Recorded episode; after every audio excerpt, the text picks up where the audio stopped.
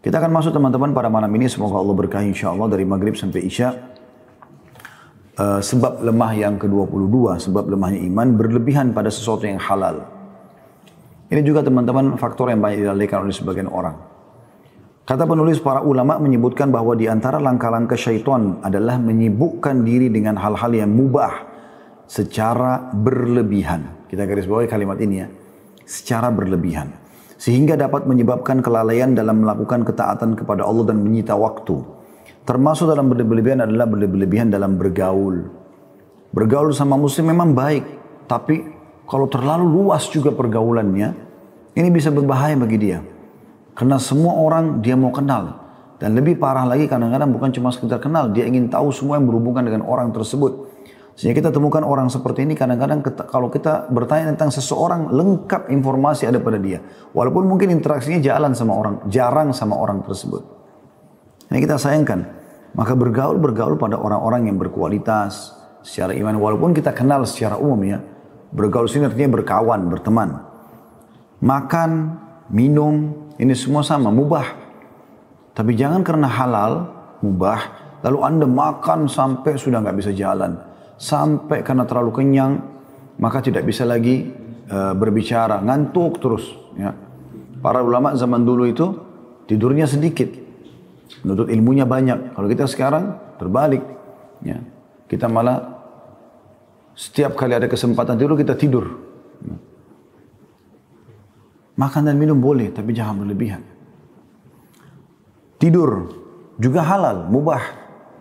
Tapi tidak boleh berlebihan di Ramadan kemarin mungkin ada orang dari habis subuh tidur.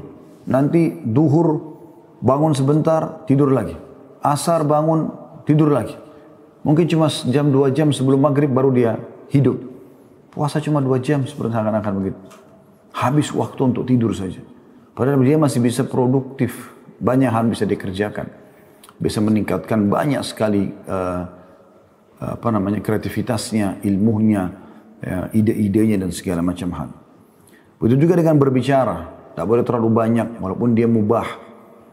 Karena banyak berbicara nanti takut banyak salahnya. Gitu kan. Begitu juga dengan melihat, mendengar dan lain-lain kata beliau. Ya, karena awalnya bermula daripada hal yang halal berlebihan akhirnya menjadi masuk kepada hal yang makruh akhirnya sampai ke masalah yang haram. Ketika seseorang berlebihan dalam melakukan semua hal yang disebutkan ini hingga menjadi kebiasaannya, maka sangat berpengaruh terhadap hati dan jika hati bersikap melampaui batas dalam melakukan perbuatan halal di atas, maka apa yang ter, ap, maka yang terjadi adalah ia akan menjadi angku dan lupa untuk mengingat Allah Subhanahu wa taala. Nah, apabila manusia hidup dalam buayan kenikmatan dan kemewahan yang mubah, maka pasti terjerumus ke dalam lembah keraguan-raguan atau syubhat. Saya ulangi. Apabila manusia hidup dalam buayan kenikmatan dan kemewahan yang mubah, saya berlebihan gitu. Kita boleh dalam Islam pakai baju yang bagus, kita makan yang enak, yang berkualitas, tapi ingat jangan berlebihan. Allah mengatakan wala tusrifu. Jangan berlebihan. Kita disuruh makan, kulu washrabu, makan dan minum. Tapi wala tusrifu. Jangan berlebihan. Dan dikatakan apabila manusia hidup dalam buayan kenikmatan dan kemewahan yang mubah, maka pasti terjerumus ke dalam lembah keraguan-raguan atau syubhat dan pada gilirannya terjerumus ke dalam jurang syahwat. Lalu pada gilirannya tumpullah pemikiran eh, pemikiran dan kemampuan mujahadanya. Maksudnya melawan hawa nafsunya. Padahal kalau kita melihat sejarah kehidupan Rasulullah SAW dan generasi pertama dari umat Islam ini, maka kita akan dapatkan bahwa kehidupan mereka lebih banyak unsur kezuhudan dan kefakirannya. Hal itu karena kezuhudan maksudnya mendahulukan akhir dari dunia ya. Hal itu karena Allah telah mengetahui bahwa tidak ada yang dapat memperbaiki keadaan mereka kecuali kefakiran. Maka dari itu Allah memilih kefakiran bagi mereka.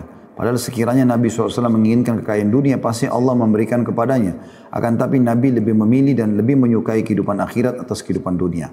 Bahkan beliau bahkan beliau wafat tanpa meninggalkan dirham, dinar, hamba sahaya dan harta lainnya. Beliau hanya meninggalkan sebuah baju besinya yang ia gadaikan kepada seorang Yahudi dengan nilai 30 sa' makanan.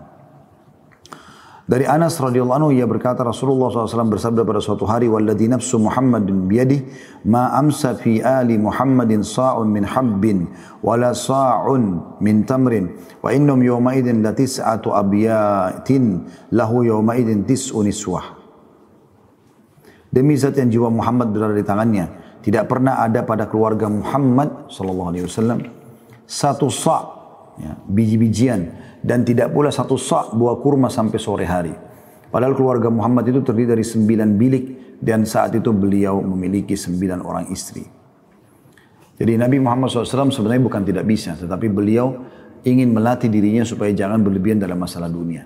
Dari satu sisi beliau membiarkan para sahabat yang kaya. Beliau pun SAW pernah hidup mewah di Mekah, gitu kan? Pernah hidup mewah di Mekah, hidup dengan istri yang kaya Khadijah dan seterusnya.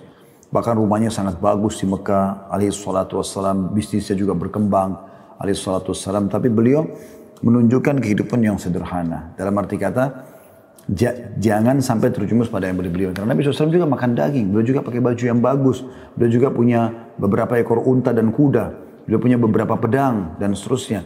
Ya, baju besi, tetapi Nabi SAW tidak berlebihan. Ya. Contoh beliau misalnya ada orang, sebenarnya di rumahnya, Cukup dia punya dua mobil misalnya. Dia satu misalnya dalam motorik dia bekerja sana sini. Satu mungkin untuk keluarganya. Cukup udah. Enggak dia beli lima mobil, sepuluh mobil, dua puluh mobil. Nanti gonta ganti. Saya pernah masuk ke rumah satu orang anaknya cuma dua tuh. Mobilnya mungkin ada sekitar dua belas. Untuk apa anda tahu? Untuk gonta ganti. Kenapa? Kenapa harus seperti ini? Ini kan nanti akan tadi men, men, men, dia uh, menumpulkan hati eh, dan kurang mujahadanya. Ya, nanti hanya muncul cinta dunianya berlebihan. Tapi kalau sudah dengan kebutuhan maka insya Allah tidak ada masalah. Nabi Muhammad SAW menjalani kehidupannya dengan meninggalkan ya, kenikmatan yang berlebihan. Maka itu beliau mendapatkan kenikmatan dalam ketaatan dan Allah menikmat, dan dapat menikmati manisnya bermunajat kepada Allah. Dengan demikian beliau telah mendapatkan kekayaan yang hakiki dan beliau mulia di hadapan Allah dan mulia di hadapan manusia. Beliau dicintai di langit dan bumi, dicintai tumbuh-tumbuhan dan pohon-pohonan, bahkan hewan dan bebatuan menyampaikan salam kepada beliau. Dan beliau SAW bersabda, Bihasbi ibni Adam luqaimat yukimna sulbah. Fa in kana la mahala eh, fa thuluthu li ta'ami wa thuluthu li syarabi wa thuluthu li nafsi atau di nafasi. Cukuplah bagi seseorang itu beberapa suap makanan saja untuk menegakkan tulang punggungnya. Dan kalau harus lebih, maka sepertiga isi perutnya untuk makanan, sepertiga lagi untuk minuman, sepertiga lagi untuk nafasnya. Ini hadis sahih riwayat Ahmad. Jadi biasanya termasuk berlebihan orang tadi terlalu banyak makan, terlalu banyak minum. Boleh menikmati, tapi jangan sampai berlebihan. Ya, kan? Di sini juga saya ingin berikan masukan teman-teman.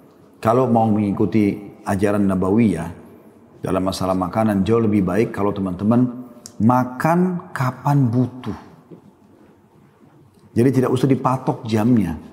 Oh harus sarapan pagi jam sekian, harus makan siang jam sekian, harus makan malam jam sekian. Sehingga kadang-kadang karena dia makan pagi cukup banyak, siang hari dia masih kenyang sebenarnya, tapi karena jadwal makan siang harus makan. Masih kenyang sebenarnya, tiba malam harus makan. Ini akan membuat perut terlalu kenyang, mata sering mengantuk, pikiran pun jadi tumpul, tumpul dia. Gitu kan. Lalu bagaimana yang terbaik? Makan pada saat Anda perlu. Saya pernah coba terapkan pola teman-teman sekian pengalaman saya. Sarapan jam sekian, makan siang jam sekian, makan malam jam sekian. Ternyata satu waktu saya luput dari jam-jam sudah ditentukan itu, mahnya kambuh. Bahkan menjadi penyakit mah yang rutin. Saya ubah polanya enggak. Saya coba ikuti sunnah Nabi SAW. Makan kapan perlu. Kalau lapar, makan. Makan sampai kita merasa sudah cukup. Nah, itu dicontohkan Nabi SAW. Beliau pernah keluar rumah lapar. Kemudian ketemu Abu Bakar dan Umar radhiyallahu anhu juga lapar. Maka mereka sama-sama cari makanan. Pada saat lapar, makan. Dan Nabi SAW dihidangkan kambing dengan segala macam roti gandum, makan sampai kenyang. Nabi SAW mengatakan, ini semua akan ditanyakan oleh Allah pada kalian pada hari kiamat. Nikmat-nikmat ini gitu loh. Kan gitu. Tapi belum makan pada saat lapar. Tapi pada saat tidak butuh, ya sudah tidak. Kenapa harus dipaksakan? Hmm? Apalagi kalau mengikuti hawa nafsu karena terlalu banyak yang mubah-mubah ini. Oh ini habis makan pecel, makan bakso lagi, habis bakso pindah lagi nasi goreng, nasi goreng pindah lagi ke mie goreng, pindah lagi ke pizza, pindah lagi. Semua mau dicoba, kenapa kan halal? Nah, ini yang kita maksudkan, jadi terlalu berlebihan. Anda boleh makan semua itu selama halal. Tapi kan bisa dibagi. Misalnya hari ini kita makan satu jenis tertentu, bakso misalnya. Ya udah, mungkin kalaupun kita mau tambah satu jenis, jenis satu yang lain. Besok kita coba lagi, lusa kita kan bisa begitu. Tidak harus semuanya harus ditumpuk dalam satu hari. Sehingga di rumah itu dari pagi dia sampai malam sibuk makan apa nih, makan apa lagi, makan apa lagi, penuh rumahnya dengan makanan-makanan. Bukan nggak boleh ya, sekali lagi boleh, tapi jangan berlebihan. Kita boleh nikmati ini, nikmati ini, nikmati, tapi jangan berlebihan. Berlebihan itu artinya terlalu banyak dibeli, terlalu banyak yang dimakan dan seterusnya. Akhirnya waktu terbanyak banyak tersita hanya untuk itu saja. Makanya Nabi SAW ingatkan di sini, cukuplah bagi seorang beberapa suap makanan saja untuk menegakkan tulang punggungnya. Dan kalau harus lebih, maka dia bagi tiga perutnya. Sepertiga isi perutnya untuk makanan, sepertiga untuk minuman. Kadang-kadang orang kalau terlalu banyak makan, lebih dari setengah perutnya atau bahkan sepenuhnya penuh makanan, sudah nggak bisa minum. Rasanya minum itu sudah mau keluar. Kalaupun dia isi makanan dan minuman, maka sudah susah bernafas. Kata Nabi SAW, sepertiga buat makanan, sepertiga buat minuman, sepertiga buat nafasnya. Dan demikianlah para sahabat Nabi serta orang-orang yang setelah mereka terdidik hidup zuhud di dunia. Mendahulukan akhirat dari dunia. Mereka boleh nikmati dunia tapi sebatas secukupnya. Kita juga jangan sampai salah ya. Jangan sampai oh berarti bahasanya Ustadz ini kita nggak boleh nikmati dunia. Enggak, salah. Allah SWT mengatakan dalam surah Al-Qasas nomor 28 ayat 77. A'udzu billahi minasyaitonir wa bataghi fima ataqallahu daral akhirah wa tansa nasibaka minad dunya. Al-ayah artinya Kejarlah apa yang Allah janjikan untukmu di akhirat nanti dan jangan lupakan bagianmu dari dunia. Kita boleh menikmati dunia. Boleh pakai baju bagus, mobil bagus, rumah yang bagus, eh, segala macam yang bagus lah, gitu kan. Tapi ingat, wala tusrifu. Inna Allah la yuhibbul musrifin. Jangan berlebihan karena Allah tidak suka dengan orang yang berlebihan. Mereka semua, para sahabat, mengetahui bahwa kehidupan dunia hanya sesaat. Maka dari itu mereka menjadikan kehidupan ini untuk Allah sebagai ketaatan.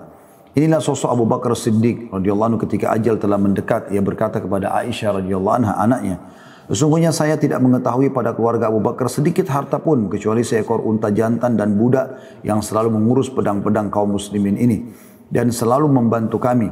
Jika aku mati maka serahkan ia kepada Umar. Karena Abu Bakar termasuk orang kaya raya.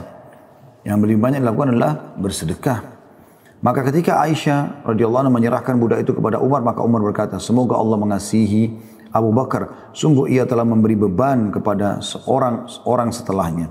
Dan beginilah kehidupan para sahabat Rasulullah SAW. Mereka lapar makanan, jadi mereka juga merasakan suka dukanya lapar itu ya. Akan tapi mereka kenyang keimanan dan mereka telah menggunakan sebaik-baik pakaian itu pakaian ketakwaan. Maka dari itu mereka puas dengan yang sedikit karena mengharapkan sesuatu yang ada di sisi Allah SWT. Jadi sekali lagi boleh nikmati tapi jangan berlebihan. Orang kalau tidak berlebihan teman-teman hatinya lunak. Tidak berlebihan makan, tidak berlebihan segala macam. Hatinya bisa lunak. Nah lunaknya hati ini membuat orang gampang mujahadah, melawan hawa nafsu. Orang gampang untuk khusyuk dalam sholat. Orang gampang untuk bersedekah, mengikuti perintah Allah, meninggalkan larangan. Itu jadi mudah semuanya. Gitu. Dan itu keadaan mereka. Jadi pada saat kelaparan datang, mereka coba nikmati kelaparan itu sampai nanti mereka makan gitu kan. Bukan juga mereka jadikan jadi mereka kelaparan setiap hari, tidak. Tapi mereka juga pada saat datang itu menikmati. Kayak kita sekarang kemarin puasa Ramadan, sebulan penuh. Kita dilihat untuk merasakan, oh ternyata lapar tuh begini ya. Tapi nanti kita makan. Nah, sehingga kita tahu memang ada suka duka dalam kehidupan ini. Sedangkan kita kata beliau atau penulis, maka demi Allah kita khawatir akan termasuk golongan disebutkan dalam ayat dalam surah Al-Ahqaf ayat Al-Ahqaf surah Al-Ahqaf ayat 20. A'udzu billahi minasyaitonir rajim adzab adhabtum atau adhabtum adhabtum. Ya saya ulangi ya. Adhabtum tayyibatikum fi hayatikum ad-dunya wastamta'tum biha kamu telah menghabiskan rezekimu yang baik dalam kehidupan duniamu maka kamu telah bersenang-senang dengannya. Sungguh manusia telah bersikap berlebihan dalam urusan kehidupan dunia hingga angan-angan dan tujuan yang ada hanyalah untuk memenuhi segala tuntutan nafsu. Sebagian orang salah berkata dahulu ada generasi muda Bani Israel rajin beribadah dan berpuasa hingga jika waktu berbuka telah tiba Maka seseorang di antara mereka berdiri lalu berkata, jangan jangan kamu banyak makan, karena hal itu bisa menyebabkan kamu merasa merugi. Artinya mereka sudah puasa, begitu mereka mau buka puasa lapar, mereka makan ya. Tapi diingat, mereka saling mengingatkan, jangan berlebihan.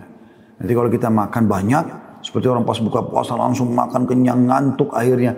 Jadi susah sholat terawih, susah sholat isya. Wah luar biasa gitu, nyusahin dirinya. Padahal sebenarnya itu bukan tujuannya, berarti tujuan puasa yang melatih dia supaya dia lapar, itu juga jadi terhambat. Ya. Setahu saya juga dalam ilmu kesehatan juga seperti itu ya. Jadi sebenarnya puasa itu kita seperti memang memberikan tubuh kita ini istirahat, waktu untuk istirahat. Dan uh, setelah kita berpuasa sekian jam, ya, dan itu bahkan sampai 12-13 jam waktu yang normal ya, ya itu puasa sudah dilatih kita untuk itu.